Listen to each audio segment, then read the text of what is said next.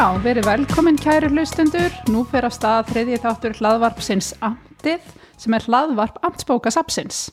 Og í dag ætlum við að kynna nokkra nýjar bækur sem starfsfólk Sapsins hefur lesið að undarförnu. Viðmeilendur hér í dag eh, sem öll starfa hér á Amtsbókasamninu eru Holmkjell Reynsson, Hrönn Björgvinsdóttir og Þórður Sævar Jónsson og sjálf heit ég Berglind Mari Valdimannsdóttir og er umsjónamaður þáttarins og bækunar sem við munum kynna í dag heita 107 Reykjavík eftir Auði Jónsdóttur og Byrnu Önnu Björnsdóttur, Blóðberg eftir Þóru Karitas Árnadóttur og Yfir bænum heima eftir Kristíni Steinsdóttur, Bráðin eftir Issu Sigurðardóttur og Vatnarleiðin eftir Óskar Árna og Hetjasögur Ljósmaður í ljóð og sögu eftir Kristínu Svöfu. Ekkert endilega fjallum það er í þessari röð, þetta kemur bara allt saman í ljós. En við skulum kannski bara byrja á bókinni 107 Reykjavík eftir þær stöllur Auði Jónsdóttur og Byrnu Önnu Björnsdóttur sem í lýsingu er sögð vera skemmtisaga fyrir lengra komna. Holmkjell, þú last bókina, hvað viltu segja okkur um hana? Ég get sagt ykkur það um þessa bók eða þessa sögu að þetta er sannlega skemmtisaga. Þetta er svona, uh, hvað segir maður, sprell frá upphafi til enda.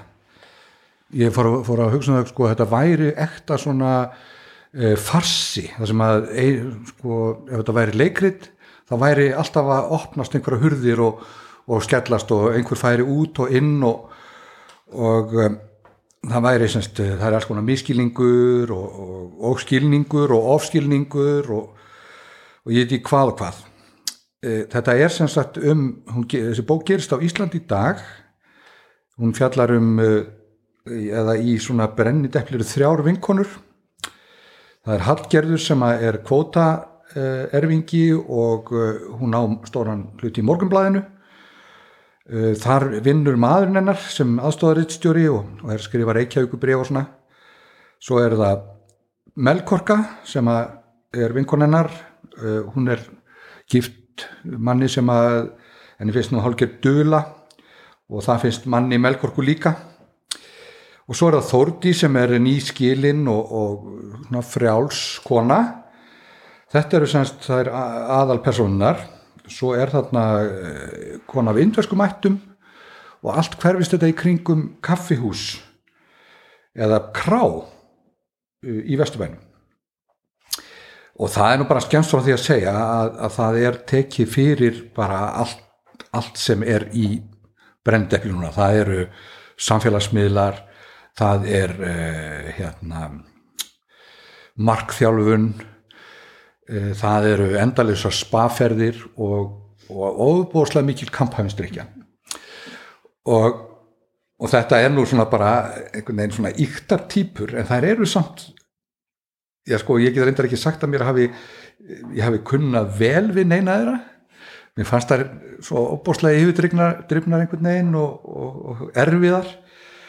Eh, nema kannski þessa indversku sem að er svona í, í hérna svona, hún er í aukanlutverki en er samt ákveðin drivkraftur í, í öllu því sem að þær taka sér fyrir hendu stöðlunar eh, Kallmenn koma hann að nokkru við sögu en einingis sem svona viðfang kynlífs. Eh, þeir eru, þeir eru mjög grunnir. Eh, og, og hugsa fátt. Eh, og um, já það eru svona ágættir til þess að vera með í rúminu. Nema það eru þarna nokkri frægir eh, sko það er doldið svona um það sem kallað er name dropping á, á, á hérna hjá þessum stöllum. Og það er maður nefna til dæmis sko hér getur sagt sko nei nei hún er svo sem engin Marja sigur hún á rúf Tinni og, sem, er, sem er hundur Gísla Martins hann, hann er tölvert á ferðinni og, og húsbóndans og svona frekt fólk en þetta er að mínu mati bara skemmtilegt mm. og, og bóslega svona uh, ég veit ekki það, þetta er eins og allt sem er skemmtilegt að margir kannast kannski við sig að einhverju leiti þegar að kemur að, að, að hérna, millumerkjum og öðru slíku sko, frábær förstudagur og ýmslegt í þeimdur Sér þetta fyrir þér sem leikrið eða kvikmynd setna mér? Já ég sé það, ég meiri sé var búin að sjá fyrir mér hver myndi leika Melkorku en ég ætla ekki að segja hver það er. Uh, sko hún, hún hérna Birna Anna, hún skrifaði nú Dís hérna á sínum tíma í félagi við og sem var, sem var gerð svona skvísu, skvísumynd. Þetta er svona uh, miðaldra skvísur uh, ef, ef að það hugtakar til. En allavega það, það er hérna já, þetta er svona skemmtilegt. Já, þakkaði fyrir þetta. Um, ef ekki þá bara vinda okkur yfir í næstu bók og kannski þá ef ekki bara fara aftur til setni stríðsárana þá er það bókin, yfir, eh, bókin sem heitir Yfir bænum heima eftir Kristínu Steinsdóttur. Hrönn, þú last hana. Uh, já, uh, ég las hana, uh, þetta, er, já, þetta er svolítið annar veruleiki heldur en í, í 107 Reykjavík. Þetta er svona fjölskyldu saga sem að gerist á seyðisfyrði á hernámsárunum og hún í rauninni byrjar bara rétt áður en að breytanir koma og henni líku svo þegar að kanarnir eru að búa sundir brottför. Þannig að þetta er þarna yfir semst nokkur ára tímabil og, og við fylgjum þarna uh, einni fjölskyldunni uh, þetta eru semst hjón með hérna, uh, þau hafa tvö uppkomin börn og, og eina úlingstúlku og svo stráka sem eru svona um 10-11 ára þegar bókin hefst og þetta er óbúðslega svona falleg bók mm. Mér er einhvern veginn leið svona eins og eins og uh, já þetta er náttúrulega þetta er svona umbróta tímar, það er óbúðslega mikið í gangi en samt er þetta svona bara róleg hverstagssaga og mér fannst svolítið gaman að því að hérna uh, nú er ég semst í forfallin að dóndi drauga fortíðar og kem því að í öllu sem ég segi þessa dagana. En hérna þar var nýlega fjalla semst um það þegar breytanir komu og þetta hefði verið svona upp til hópa bara uh, illa búnir úlingstrengir og það var eitthvað sem ég hafði aldrei hugsað út í. Og mér fannst opaslega gaman að svona hafa þessa þekkingu í farteskinu nýlega búin að komast að þessu þegar ég svo les þessa bók af því að það er þarna eitt atrið í bókinni þar sem að strákarnir í fjölskyldunni þeir, þeir sitja upp í brekku þeir að fylgjast með því að bærin er að fyllast að hermönum og þeir líta svona í kringu sig og sjá þá að brekkan er bara full af úlingshermönum sem allir eru hágrátandi. Já, og þetta var svo óbúðslega svona, þetta var svo stert uh, en annars er þetta semst bara já, svona fjölskyldulíf á þessum tíma. Það eru, það eru kostgangarar sem að koma hérna daglega og ræða heimsmálinn og, og hérna sumir hérna hermannir verða nú svona hálgerðir heimalningar þarna. Og fólki náttúrulega finnst svona, hefur misjafna skoðanir á veru hersins. Og svo eftir að kanarnir koma þá byrjar þessi metingu sko, hvori voru betri kanar eða breytar og, og hérna, þetta var óbúslega skemmtilegt að lesa þetta. Og þetta myndi mér svolítið á því að nú las ég bækutnarinnar Kristínar Steins þegar ég var krakki. Fransbröð með sultu og, og fallin spýta. Og ég fekk svona tum, sömu tilfinningu og þegar ég las þær bækur. Þetta var svona bara einhver nostalgía sem er samt náttúrulega já, ekki, ekki alvöru nostalgía hjá mér, ég náttúrulega upplýði þetta ekki en hérna, en já ég leiði óbúnslega vel að lesa þessa bók Þetta er svona bók sem skilur eitthvað gott eftir sig. já, algjörlega, skilur mikið eftir sig og óbúnslega mitt, ég hafði ekki áttað mig á því hvað þetta var óbúnslega mikið umsif hersins þarna og veist, þessar loftárásir og hérna loftvarnar uh, flauturnar að fara í gang öllum tímum sólarringsins og fólk að þeisa stóni kjallara og kannski voru börnin nýlögð af stað í skólan og fóreldarnir vissi ekki hvar þau voru og bara vonuðu hefðu komist í skjól einhver staðar. Þannig að þetta hafa verið óbáslega, óbáslega áhugaverðir og skrýttir tímar. Einmitt. en já, ég mæli alveg, alveg heiklust með þessari bók. Já, þakkaði fyrir. Og við höldum bara áfram og þá er það er ekki bara hetju sögur, ljósmæður í ljóði og sögu eftir Kristínu Svöfu. Þórður. Já, það passar um, Það er svona skemmtilegt að við förum alltaf lengra og lengra aftur í tíma bara, Það er alveg óvart sko. byrjum árið 2020 síðan síðari heimstyrjöldin núna er það þar síðust aldamót um, þess að um, ljóðabolkur eftir hana Kristínu Söðu Tómasdóttur sem er ljóðskáld og sagfræðingur þetta er fjórða ljóðabókin hennar og finnst eitthvað með gaman að að hérna, þarna eitthvað með nærna að blanda e, ljóðskaldinu og sakfræðingnum saman. Já, hún var búin að grúska heilmikið áður en Já, hún- nefnilega já Hún byggir, byggir þennan bálk á hérna ritinu Íslenska ljósmæður um, sem kom út í þremu bindum millis 1962 og 64 sér að Svein Víkingur bjóðar til útgáfu. Og þar eru prentar sem sagt ævi þættir og endurminningar 100 ljósmæðra. Og og sagt og þessi bálkur, þessi óður þetta er eiginlega bara, bara eins og nafnið gefið til kynna, þá er þetta bara einn allserjar óður til ljósmæðra. Og og hún er ótrúlega aðteglisverð fyrir margra hluta sakir.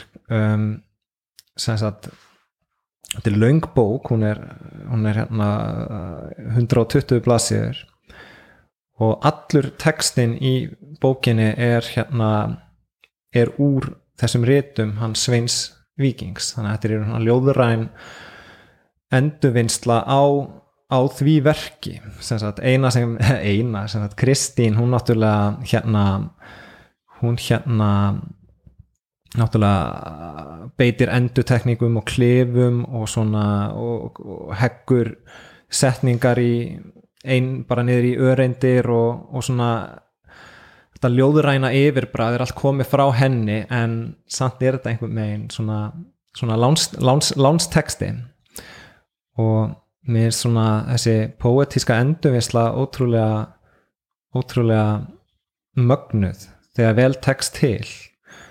Og og hérna og já, ég veit ekki, ég sem sagt ég las alla, ég las þessi þrjú bindi hans Sveins Víkings á sínum tíma og alveg glefti þetta í mig og, og ég mitt átti bara ekki til orðarhefningu þetta eru svona þetta eru svona bransa þegar maður er svo vanur einhverjum svona karla bransasögum af einhverjum sjóurum og einhverjum svona nöglum sko.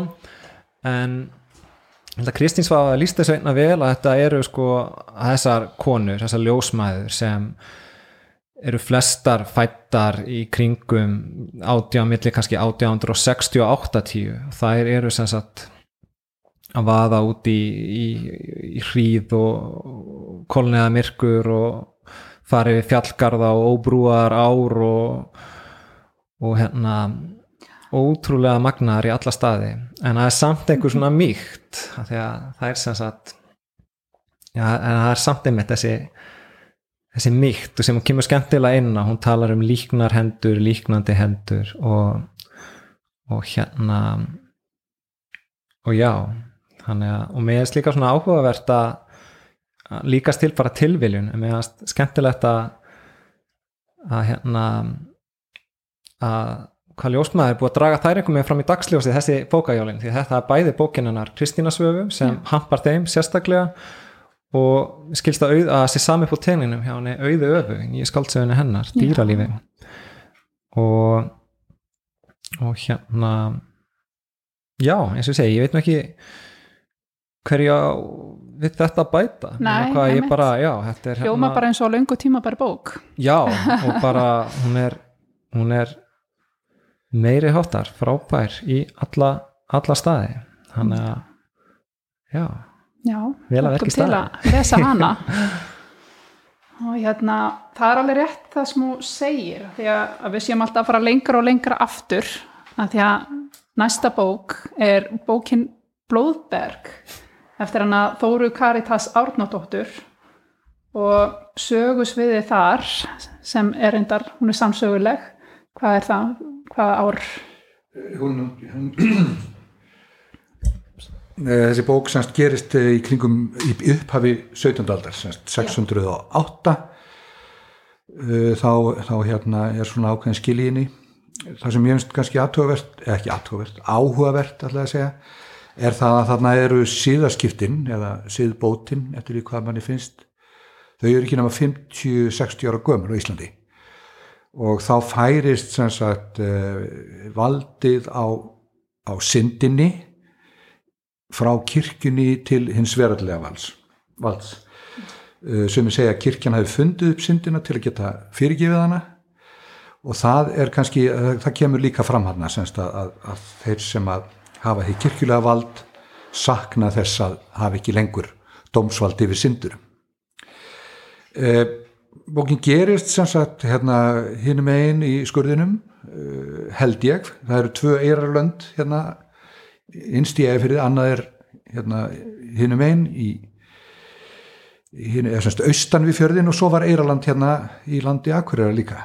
Ég, mér finnst þetta að hafa verið Eiraland hérna hinnum einn uh, en það er ekki að vita. En svo gerist uh, sagan líka að verlu leiti í Skafirði á Reynistad sem er nú kannski þekktara fyrir bræðurnar sem að voru þann uh, þetta er semst uh, bókum glæparefsingu einn af, af fjölmörgum uh, glæp sem að í rauninni uh, stúlkunni er refsað fyrir þó hún í rauninni hafi ekki framíðan og hún er mjög átakanleg og, og sorgleg og manni finnst einhvern veginn að, að e, rannsóknin er öll í skötulíki það eru pyntingar og ýmslegt slíkt þessum að við teljum allavega að við séum laus við hér í dag.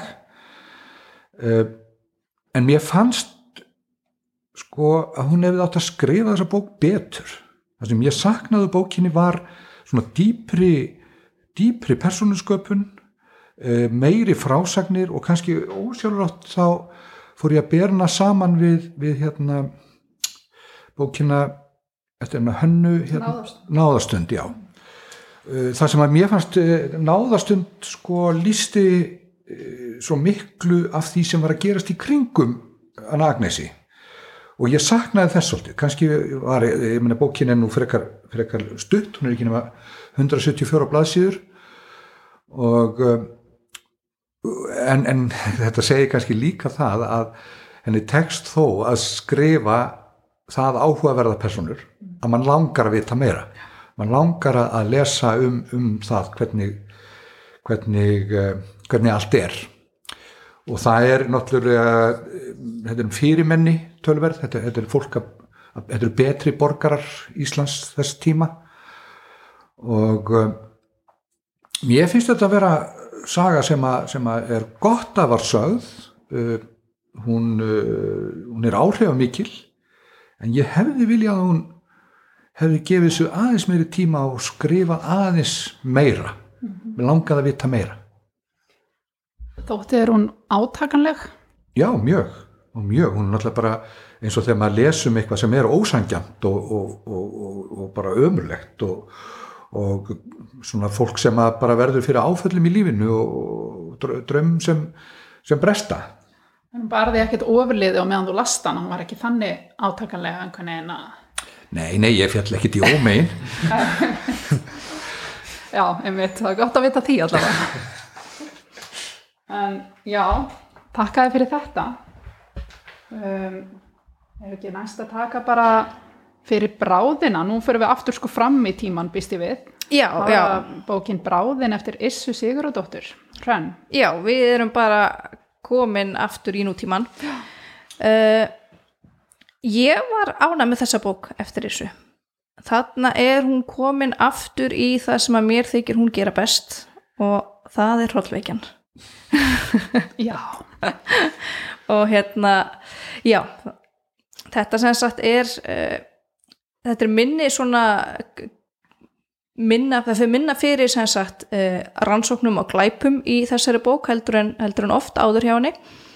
Og uh, svona helstu málumni eru einmitt það er, það er einangrun svona óútskýrðir stularföllir atbyrðir sem ég kann vel að meita en hérna hún gerist samsagt uh, þessi bók uh, gerist uh, Östralandi á, á höfni Hortnafyrði á Lónsöðræfum og svo á ratsjárstöðinni á Stokksnesi.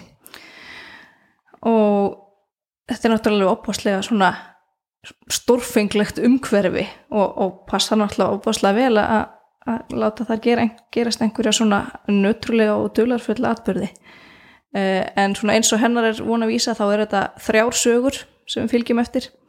Það sem sagt er uh, Björgunarsveitakona sem er, er að leita að tíndum hópi upp á, lóns, á Lónsöðuröfum uh, og það er hérna starfsmáður ratsjóstöðvarinnar og svo fylgjast við með hópnum, þessum tínda hópi í vikunni áður. Og þetta náttúrulega fléttast allt saman og, og skýrist svona í lokin hver tengingin er en hérna já, en þessi, ég var, ég var mjög ánað með þetta. Þetta er svona bók sem að mér finnst að maður eigi að lesa þegar maður er einn heima. Það er dimmt úti og helst svona, svona ráslagalegt veður svolítið kvast það, það er alveg kjörin bók í svoleiðis aðstæðis Já, þú hefur alveg sofið ágætlega eftir að hafa lesið bókina. Já, já, ég kann vel við þetta. Ég, ég veit að það er ekki allir á, á þessari svona sumu bylgjuleng þannig að, þannig að ef að einhverju draugagangur ekki að skapi þá er þetta líklega ekki bókin fyrir ykkur en, en eh, svona fyrir e, þá sem að voru hrifnir af, af ég man þig að þá er þetta réttabókin Já, skemmtilegt. Já, ég held ég ætla ekki að segja neitt fleira til að skemma Nei. ekki fyrir, fyrir Það lesendum er oft betra að segja minn en meira. Takk fyrir þetta. Og þá er það vatnaleiðin eftir Óskar Árna. Þórður. Já, líka gaman að við séum á svona Ponsi Ringverð um búin að vera hérna fyrir norðan. Já, og í Östu Skattaðelsíslu og nú erum við komin á Snæfellsnesi. Um, Þetta er sem sagt á vatnaleiðin. Þetta er eh, dagbók frá Stikkisólmi eftir hann Óskar Árna Óskarsson uh, rítöfund, ljóðskáld og þýðanda. Um, hann er sem sagt, hann er oftur kallaði meistari smáprósans. Um, og ég bara, ég, ég viður kenni það að ég er, ég er mikill Óskars maður, ég er, er aðdáandi. Hann er að ég hérna var mér út um þessa bók bara um leið og hún kom út. Og hún er hún er forvitnileg fyrir margra hlutasakir um, hann sem sagt fekk sex mánuðar residency á stikkisólmi árið 2009 þannig að þetta er, þetta er sem sagt 11 ára gömul 11 ára gamlar dagbókafæslur og, og hann, hann hefur svona mikið vatn runni til, til sjávar og og ég var hefnt hugsa um þetta bara ég veit þess fá dæmi að rithöfundar fari í svo, svona langar residensjur bara ég held að sex mánuður ég, bara, ég hef aldrei bara vita af öðru eins. Og sem sagt það sem vakti sérstaka aðtegli mína er að Óskar, hann er, hann er mikið, mikið borgabar, hann er Reykjavíkur skáld og hvort það hafi ekki komið út svona úrval úr ljóðum hans í fyrra sem heitir hreinlega bara Reykjavíkur ljóð, það eru allt ljóð sem eru ort bara í Reykjavík. Og hann er sem sagt, hann er á óvenju miklum faraldsfæti í þessari residensju því að ég einhver minna að halda svona já, ég er komin í residensju þá kannski, einhver, einhver, kannski því er það einhvers konar viðvera en hann er voða mikið bara stór hluti dagbókarinnar er skrifaður ímest bara uh, á BSI þar sem hann er á leiðinni annarkvort vest, vestur eða sem sagt hann er að pakka niður og stykki sómi á leiðinni heimtið sín í bara, já bara kikið í mat til vina og bara eitthvað svona að skjótast sko. Þannig að mér hans það svona ponsu, ponsu komist sko. Um, en annars eins og ég segi hann er bara ótrúlega hann bara dregur upp svona stuttar fæstur og hann dregur upp svona ljóðrænar svipmyndir og þetta er náttúrulega ótrúlega vel stíla og það er bara alltaf, alltaf ánægulegt, það er alltaf gaman að lesa lesa texta eftir Óskar. Um, mér fannst líka ég hafði líka gaman að því að, að hérna að fá svona insýn inn í þetta svona bara starfi rítöfundarins og þessar svona rítöfunda kreðsur hann fer á hauga fylleri með Jóni Kalman og Eiriki Guðmundsinni og hann fer í mat til Braga Ólafssonar og Girðir kemur og gistir hjá honum og, og hérna, já, það er svona mikið hann hann er mikið að slæpast með hérna, með öðrum, öðrum rítöfundum um, og hann náttúrulega skrifar eitt og annað um það bara hann er að vinna að þýðingu sem, sem sagt, var síðar tilnæmt til íslensku þýðingavelunina og hann er, hann er að sagt, leggja lokahönd á, á ljóðahandrit. En eins og ég segi annars þá þá dregur nú ekki til neina stórkostlegra tíðenda hann er bara þannig á stikkisólmi hann bara hann bara spásir um strætin og stundum koma gestir og stundum ekki. Þannig að þetta er ótrúlega bara svona afslöpuð, þægileg og bara svona bara svona notalegt er í svona alla staði dagbókarskrif í rauninni. Já, þetta eru já, þetta er með þetta eru, þú veist, þetta er allt náttúrulega mert bara, það er 21. ágúst, 7. ágúst það líður mislant á milli fæsla fæsluna en síðan, jú, síðan verður neila bæta því við að þetta er svona það eru ljósmyndir eftir hann Einar Fal Ingólfsson sem sagt frá Stikkisólmi sem príða bókina. Og það er líka skemmtilegt svona samspil texta og ljósmynda. Já, texta og ljósmynda. Þannig að já, ég held að aðdáðundur Óskarshólna verða, verða ekki sviknir. Þetta er bara, já, Já, ljómandi skemmtilegt. Já, gaman að heyra. Og ef ekki að taka bara eina bóki viðbót, Eldana eftir Sigriði Hagalín. Jú, jú, ég er alveg til í að tala um eldana. Uh, ég uh, sem sagt uh, byrjaði á, þegar ég fór að lesa Bekku Sýriðar, þá byrjaði ég á hinnu heilaga orði sem er miðbókin sem hún skrifaði og, og fannst hún alveg mögnuð og, og, og einhvern veginn kallaði, hún talaði til mín sennilega því að ég vinn með orð alla daga og lifi einhvern veginn í orðaheimi. Uh, þessi bók er hún er eiginlega rosaleg. Hún er uh, það er svo mikið bál í, í bókinni. Það er, það er ástarbál og það er hérna jarðeldar.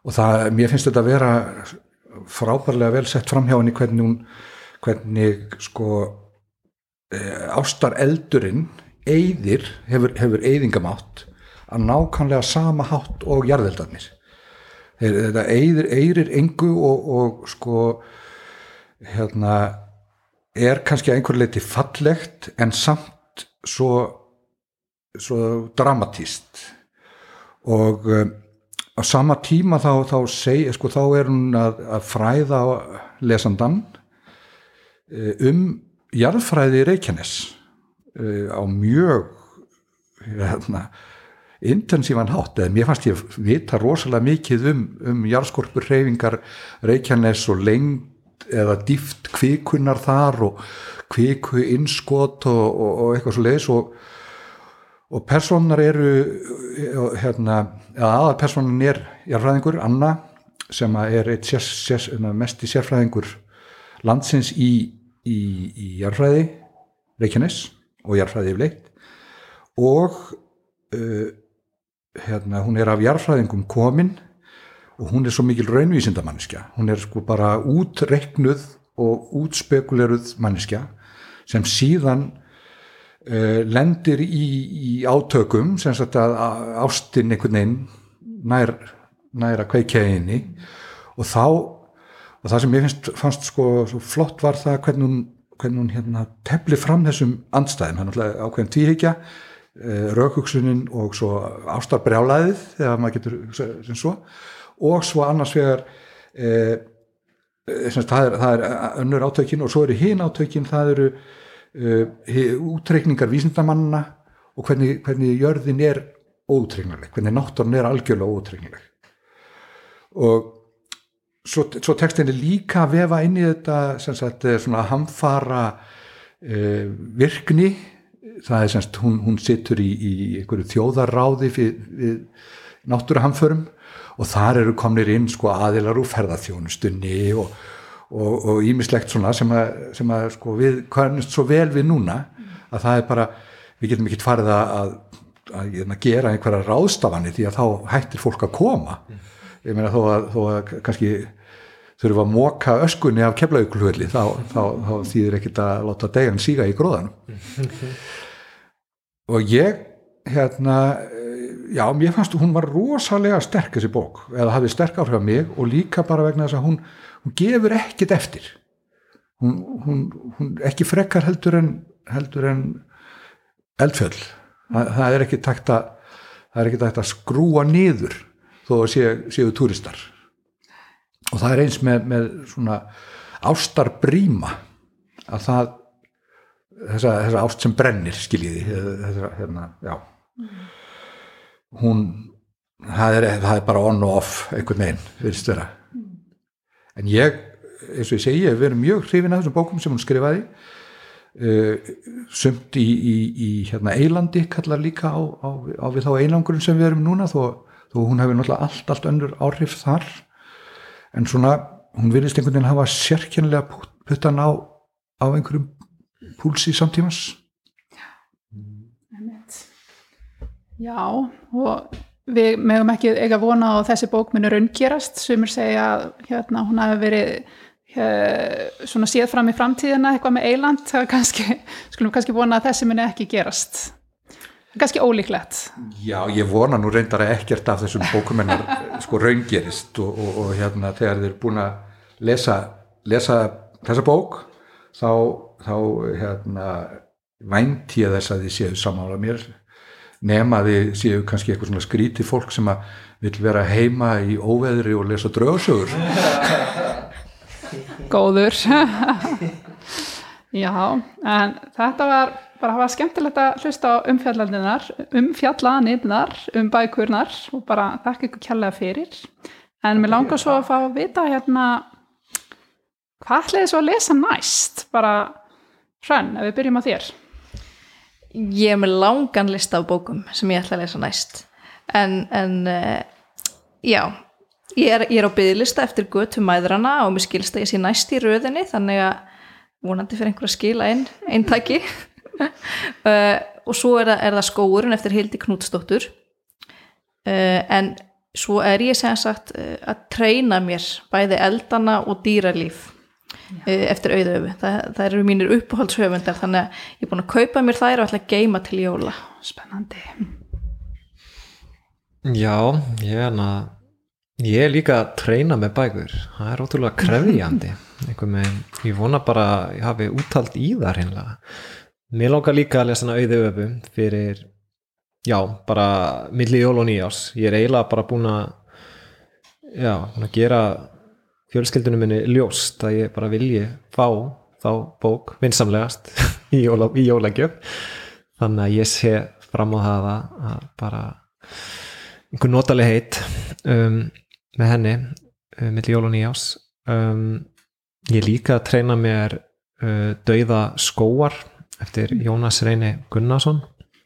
Ég hef búin að hef lesið ljóðin hans og, og, og, og sögur og hann er mjög áhugaverður og spennandi höfundur. Um, ég er að klára smásagnasafn eftir unga stelpu sem heitir um, sem heitir Herberg já, smásagnasafni heitir Herberg í öðrum heimi. Marja Elisabeth Bragadóttir þetta er fyrsta, fyrsta bókin hennar. En annars er ég alltaf með smá stabla af, af ljóðabókum á mm. náttborinu þannig að já Þú Holmkjell? Ég er náttúrulega alveg pínlega ofriblegur, mér langar líka að lesa auðu öfu og, og, og hérna laka mikið til. Mér, hún er einu mínum allra mestu uppáhaldshöfundum íslenskum. Svo uh, hérna langar mér að lesa Steinar, bókina Steinar Spraga. Mér finnst sumt af því sem hann skrifar svo, svo, svo magnað. Uh, bók Kristína Steinsdóttur sem að Hrönn var að tala um, mér langar að lesa hana. Lesið margt margt gott frá henni og svo finnst mér bara hérna, jú og snertningu eftir Ólaf Jóhann mér langar að lesa hana, mér finnst hann eh, sko uh, frekar vaksandi höfundur heldur en hitt. Og, og, og hérna mér sjafn reyndar en, en, en mér langar að lesa þessa bók. Svo bara hérna er spurningin um að lesa bara nógu mikið og fjölbreytt. Ég, mér finnst þetta að vera það sem það setur í hausin á sér vera svolítið eins og maturinn. Maður á að, maður á að hérna, neyta fjölbreyttarar fæðu Fá alla næringu. Já. Já, ekki láta þetta bara verða loka orðin í dag, borða fjölbreytt og lesa fjölbreytt. Og bara takk fyrir